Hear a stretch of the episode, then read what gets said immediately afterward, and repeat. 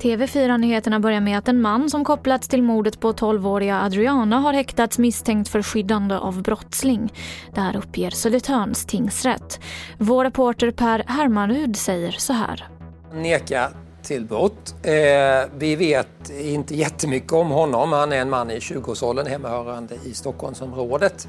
Han, eh, tillslaget mot honom var i en lägenhet i södra Stockholm. Eh, han är inte någon supergangster om man tittar på antalet domar han är dömd för några ringa narkotikabrott, men, men mycket mer är det inte. Eh, det betyder ju inte att han inte har kopplingar till de här nätverken, men han är inte, hans brottsregister är inte, inte jättelångt. 59 nya dödsfall i covid-19 har rapporterats in idag och totalt har nu 6 681 personer avlidit i sjukdomen i Sverige. Detta enligt Folkhälsomyndighetens senaste siffror. Och så kan jag berätta att Konsumentverket nu skärper tillsynen för att avslöja företag som fuskar med sina rea-erbjudanden under Black Friday. Ett återkommande problem är en form av bluffreor där man rent praktiskt under hösten höjt priserna för att prisskillnaden ska verka större när rea-erbjudandet presenteras. Och det var det senaste från TV4 Nyheterna. Jag heter Emily Olsson.